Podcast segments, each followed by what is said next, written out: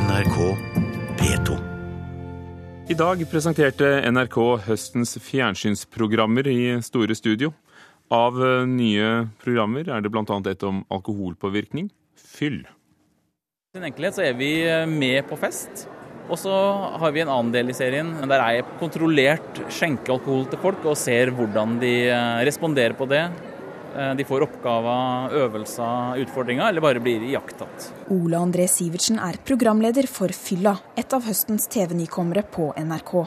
Programmet skal demonstrere alkoholens virkning på kroppen.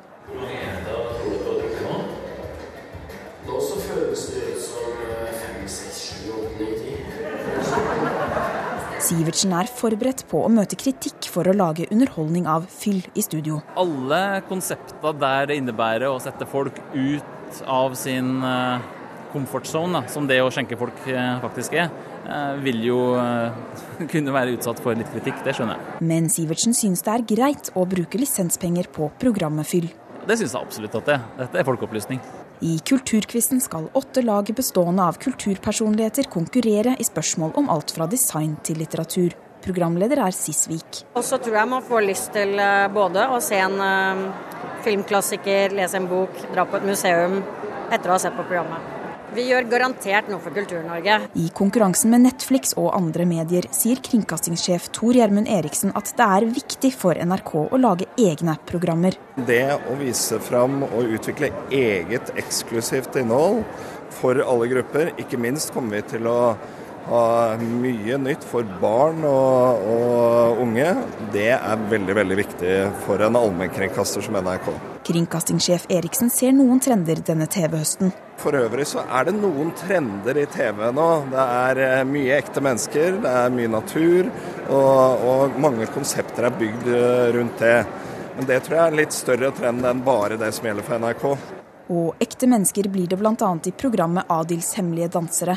Her får danseren Adil Khan vanlige nordmenn, både frisører og T-baneførere, til å lære seg å fremføre en utfordrende hiphop-koreografi. Nå går dere, og så gjør dere det beste dere kan. Det er vi nasjonerer dere. Ingen. ok?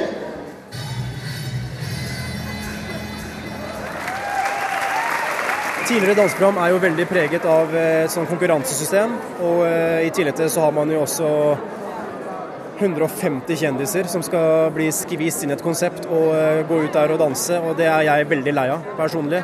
Jeg syns det er på tide å se hvordan vanlige nordmenn eh, tar en utfordring. Eh, så dette er heller ikke altså det er, Dette er mer en konkurranse med deg selv. Ja, hvor villig er du til å gå ut av din komfortsone og tørre å komme i kontakt med noe som er litt dypere, da. Eh, det å skru på sjarm, det å være troverdig i bevegelsene, det å ha utstråling, glimt i øyet. Det ser lett ut på en scene, men det har kostet artisten blod, svette og tårer. Og det får eh, gruppene jeg jobber med, en smak av i tre uker. Du får se de rett før de skal på en scene, du får se de rett når de har kommet av. Du får se beinhard trening.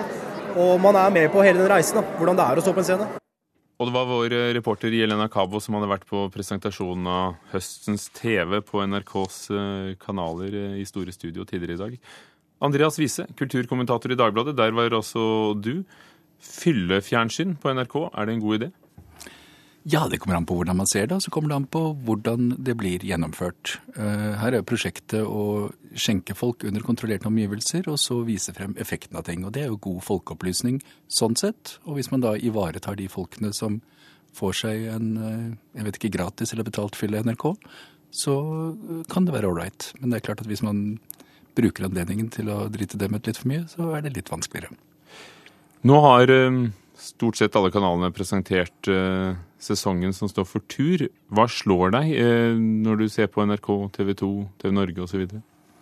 Ja, det som slår meg, er jo for det første hvor dominerende reality som ikke, ikke som et enkeltprogram, men som sjanger er. Altså Du ser også på NRKs programmer her, når du blar igjennom, ikke sant, så er det fire vanlige folk som gjør ditt, fire vanlige folk som blir spurt ut om datt, fire vanlige folk som blir utfordret på dette, eller fire vanlige folk som blir testet på slikt.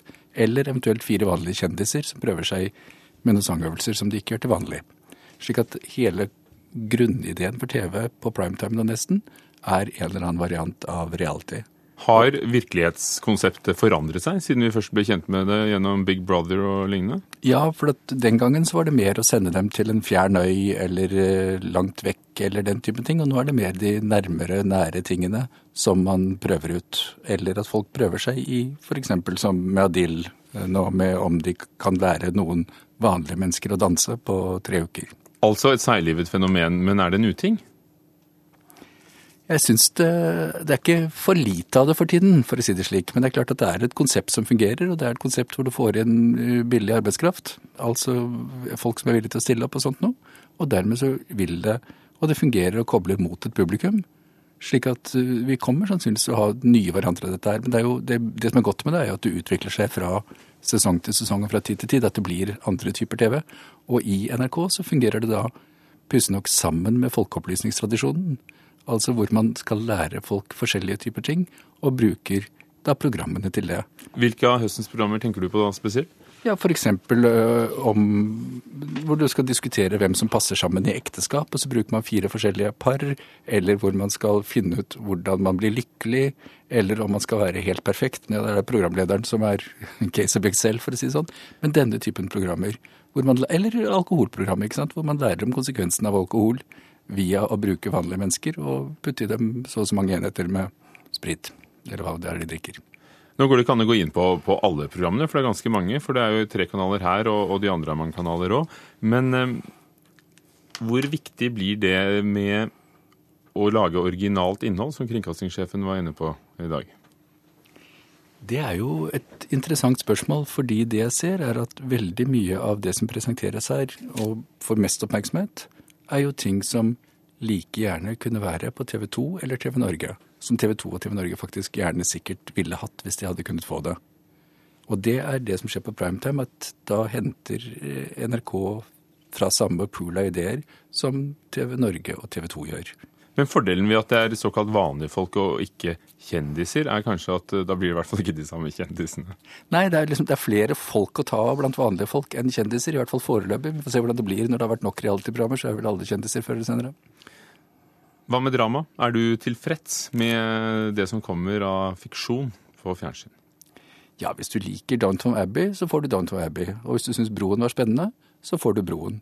Men hvis du leter etter norske produksjoner denne sesongen, så ser jeg ingen store produksjoner, bortsett fra noe barne-TV. Barne men det er vel viktig, for det er det ikke så mange andre som lager originalt? Nei, det er det ikke så mange andre som lager originalt, men det er også noe med at det ikke er lov til å selge annonser på barne-TV, slik at da blir NRK ganske alene i det markedet når de andre skal tjene penger på annonser. Synes du det går an å merke det som det har vært skrevet mye om, nemlig påvirkningen fra strømmetjenester og, som Netflix og, og andre typer nettilbud? Det er interessant. Altså, Film og drama og den typen ting er jo ting som man får på Netflix, og er derfor konkurranseutsatt. Mens reality er jo noe kanalene lager selv, og som på den måten de er alene om en stund. ikke sant? Det vil ikke så lett komme opp. Og, og de har også den, en eller annen følelse av at dette skjer her og nå. Som drama, repetisjoner, film ikke har. Sport har den, og reality har den faktoren. Og det gjør at de er interessante for sendeskjemaene til alle kanalene, tror jeg. Andreas Wiese, kulturkommentator i Dagbladet. Er det noe som overrasker deg når eh, høstens TV-programmer blir presentert som i dag, eller er det veldig forutsigbart?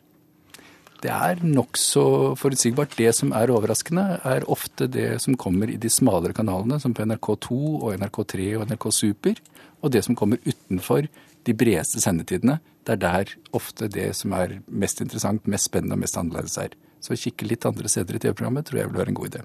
Takk skal du ha, Andreas Wiese. Hør flere podkaster på nrk.no podkast.